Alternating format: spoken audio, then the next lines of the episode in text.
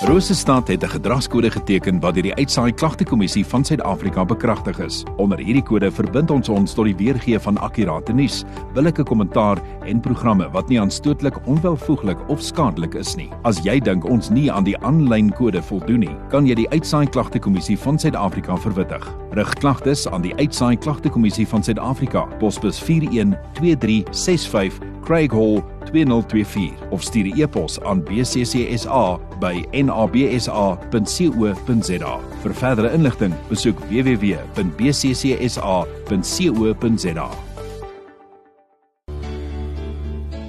Tyd vir oggendgodsdiens op 100.6 FM. Dominee Bergmüller van die NG Kerk Wilgehof wat weer eens by ons kom kuier het en kom inloer het. Hoe gaan dit vanmôre? Goeiemôre Cyril, Ilde en luisteraar. Baie lekker en baie lekker ook om hier saam met julle te kuier ook. En uh, ons teksgedeelte van môre is Johannes 13 verse 34 tot 35. Dis Johannes 13 vers 34 tot 35 en ons tema is die vraag: Waar is die liefde? God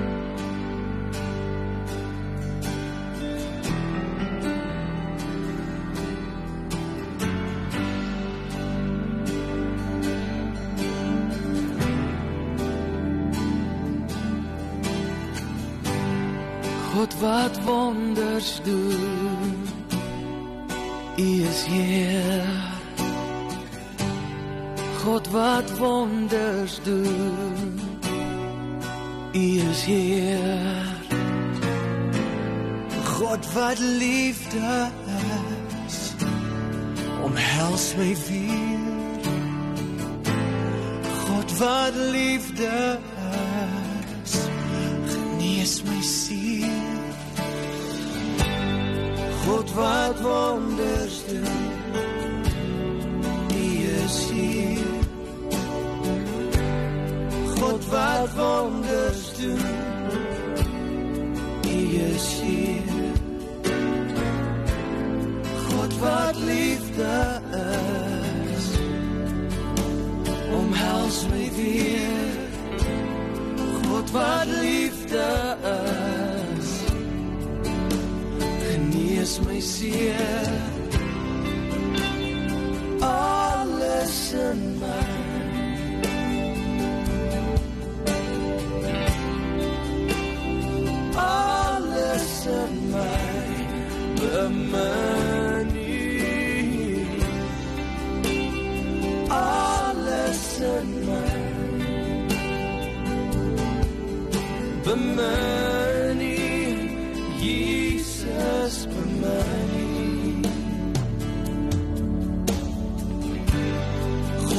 wat wonders doen U is hier God wat wonders doen. U is hier. God wat liefde is. Omhels my weer. God wat liefde is. Genees my seer. Alles in my alles in my alles in my bemanie alles in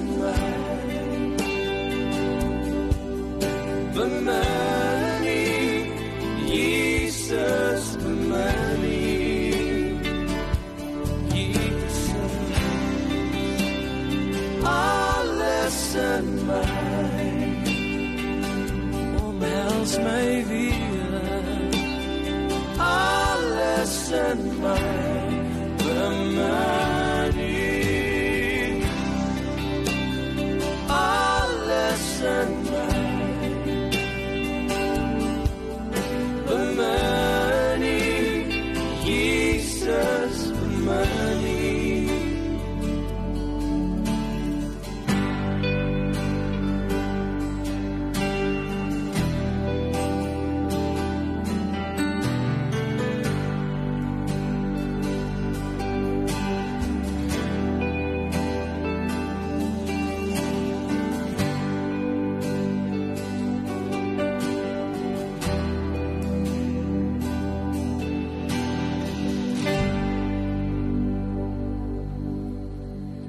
Ons teksgedeelte is Johannes 13 verse 34 tot 35.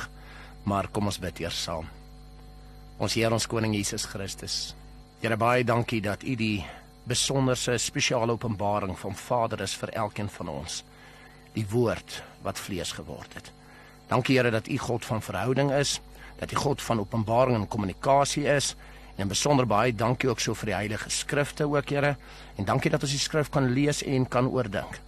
Maar Here ons besef ook dat ons U nodig het en daarom bid ons ook dat U ons sal lei deur die Heilige Gees.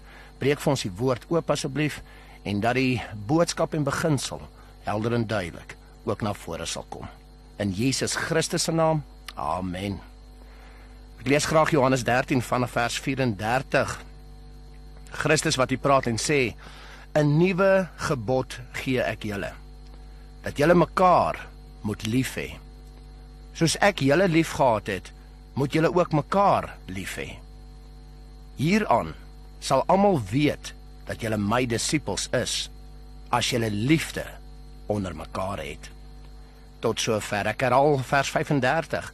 Hieraan sal almal weet dat julle my disippels is, as julle liefde onder mekaar het. Geliefde in die Here, liefde is sekerlik die belangrikste beginsel van die skrif. Die allesomvattende beginsel van die begin tot die einde. Die skrif getuig van die liefde van God vir ons in en deur Jesus Christus. Die evangelie gaan oor liefde. Dat Jesus Christus uit liefde sy lewe gegee het vir ons om ons te red en om ons te help, onder andere in Johannes 15 vers 13. En deur Jesus Christus se werke kan God se liefde nou in ons harte uitgestort word sodat ons God se liefde kan deel met ander. Romeine 5 vers 5. Liefde is die grootste. Liefde is die grootste wet of die grootste gebod. Matteus 22 vers 34 tot uh, 40 onder andere, die liefde vir God en vir ander is die samevatting van die hele wet en die hele profete. Weer in Johannes 15 vers 12 om mekaar lief te hê soos Jesus Christus ons liefhet. Liefde is hierby die grootste gawe, die grootste geskenk vanaf God. 1 Korintiërs 13 vers 1 tot 13 ons ken dit. Die grootste gawe wat al die ander gawes aktiveer en bruikbaar maak. Sonder liefde is al die ander gawes nutteloos. Liefde is byvoorbeeld ook die grootste vrug van die Heilige Gees. Galasiërs 5 vers 14 tot 26. Al die vrugte van die Heilige Gees kan saamgevat word met liefde. Paulus praat byvoorbeeld in Galasiërs 5 oor die liefde en dan gaan hy van daar af oor na die vrugte van die Gees as deel van die liefde. Liefde is selfs die belangrikste in iets soos tug. Tug is 'n liefdeshandeling om iemand bewus te maak en terug te trek op die regte pad en om verder die pad in liefde te stap. Byvoorbeeld 2 Tessalonisense 2 vers 15 om iemand te hanteer nie as 'n vyand nie, maar om te vermaan as 'n broer. 2 Korintiërs 6 vers 5 tot 8 om mekaar te vermaan in liefde. So tug is nie 'n geregtigheidshandeling nie, dis 'n liefdeshandeling. Liefde is die grootste. In Johannes 13 vers 34 tot 35 word die liefde ook beskryf as die belangrikste kenmerk of eienskap van disipel wees. Nou disipel beteken volgeling of leerling. Met ander woorde, die liefde is die grootste kenmerk van 'n volgeling of leerling van Jesus Christus. Want deur die liefde sal mense weet julle is my disipel. Vers 35. Geliefde in die Here, ons dink geloof is die hoofkenmerk van Christen wees. En ja, geloof is ook belangrik natuurlik. Maar dit is nie die hoofkenmerk nie. Die hoofkenmerk is die liefde. Die liefde is steeds groter. 1 Korintiërs 13 vers 13 ons ken dit. Liefde is groter selfs as geloof en hoop. Soos Jakobus 2 dit vir ons bevestig. Geloof sonder liefde is 'n dooie geloof. Dis 'n vals geloof. Want uit ware geloof groei die liefdeswerke. En die liefde is die toets van 'n ware geloof. So baie sê ek glo of ons glo. Maar waar is die liefde? Liefde is die belangrikste eienskap, die belangrikste kenmerk van ware geloof en disippelskap. Waar is die liefde? As ons kyk na ons Christene in die algemeen, dan ontstaan die vraag, waar is die liefde? In ons optrede, optrede teenoor mekaar as Christene, waar is die liefde? Om nie eers te praat van liefde teenoor hulle wat buite die geloof is nie. Ons Christene tel stry op met mekaar. Ons beklei, ons beskinder, ons verskeer mekaar. Verdeeldheid, onmin, partyskap en al jou sondige natuur se liefdelose aksies is deesdae die kenmerk van Christendom. Waar is die liefde? Mense verskil van mekaar. Dit veroorsaak konflik. Dit lei tot isolasie. Ons stap verby mekaar in winkels en kyk ander kant toe en maak asof ons mekaar nie sien nie. Ons groet mekaar nie. Ons verdra mekaar nie. Waar is die liefde? Die kerk in die algemeen het liefdeloos geraak. Ons geloof het 'n liefdelose geloof geraak. Ons sê ons glo, maar waar is die liefde? As vrug en hoofkenmerk van geloof ons optrede teenoor mekaar tussen gelowiges, tussen kerke, tussen gemeentes en teenoor hulle wat buite is, is liefdeloos. Dis nie in lyn met ons geloof wat ons bely nie. Ons het verval.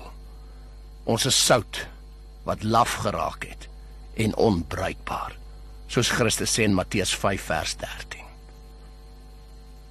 In Matteus 24 vers 12 profeteer Christus dat in die eindtyd en die geboortepyne van die eindtyd gaan onreg vermeerder en die liefde van die meeste gaan verkoel. En ons sien dit. Ons beleef dit.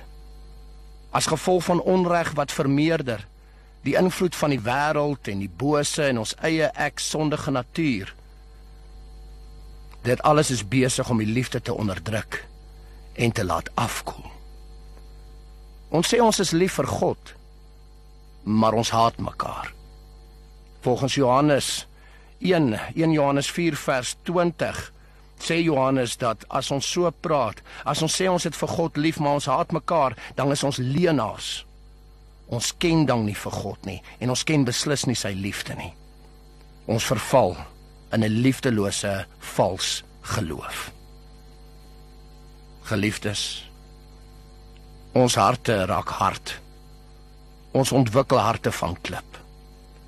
En vandag wil ek vir jou sê daar is net een wat die harte van klip kan verander in 'n sagte hart van vlees en bloed. En dit is Jesus Christus. Ken ons hom? En is ons nog werklik in hom? Want hy is die bron van liefde uit hom groei liefde as kenmerk dat ons hom volg. Hieraan sal almal weet dat julle my disippels is as julle liefde onder mekaar het. Ek sluit af met Paulus se woorde in Filippense 1 verse 9 tot 10. En dit bid ek dat julle liefde nog meer en meer oorvloedig mag word in kennis en alle ervaring om die dinge waarop dit aankom te kan onderskei sodat jy rein en vir niemand 'n aanstoot mag wees nie tot op die dag van Christus. Amen. Kom ons bid saam. Ons Here, ons koning Jesus Christus. Here baie dankie dat ons vandag net weer kan besef hoe belangrik is die liefde, hoe groot is die liefde. Dat die liefde is die grootste wet, gebod, die samevatting van wet en profete. Liefde is die grootste gawe, liefde is die grootste vrug. Liefde is die grootste kenmerk en eienskap van kind wees van U Here. Here, ons laat ander goeders baie keer belangriker raak. Ons dink selfs iets soos geloof is die hoofkenmerk, maar Here, dankie dat Jakobus ons herinner dat al het ons geloof, maar ons het nie liefde nie, dan is daai geloof dood. Dis 'n vals geloof, dis 'n dooie geloof. Here, ons erken vandag en ons bely dat ons is almal skuldig. Jou wêreld, jou sondige natuur, jou duisternisse dinge, die ongeregtigheid wat vermeerder. Dit het ons liefde laat afkoel, Here. Ons haat mekaar. En ja, Here, ons is skuldig. Ons haat selfs ons medebroers en susters. Daar's 'n gebekleierery en 'n gestryery tussen kerke, gemeentes, kinders van U. Here, ons bely en ons moet erken dat ons U liefde verlaat het. Ons harte het het harte van klip geraak. En daarom kom ons vandag ook Here en ons pleit by U asseblief Here Jesus Christus. Steek weer die liefde in ons harte aan die brand. Maak ons weer bewus. Help ons om om weer in U liefde te wandel. Dat ons nie sal wees soos Johannes ook getuig dat ons sê ons het vir U lief, maar ons haat mekaar nie. Dis nie hoe dit hoort nie. Here help ons. Ons dien nodig, ook in hierdie ou stikkende wêreld waarin ons leef. Help ons, Here, om waarlik te fokus op die liefde en dat ons die kenmerk, die eienskap van Christen wees sal uitleef, die liefde. Ons bid dit ook so in naam van Jesus Christus, ons Here. Amen.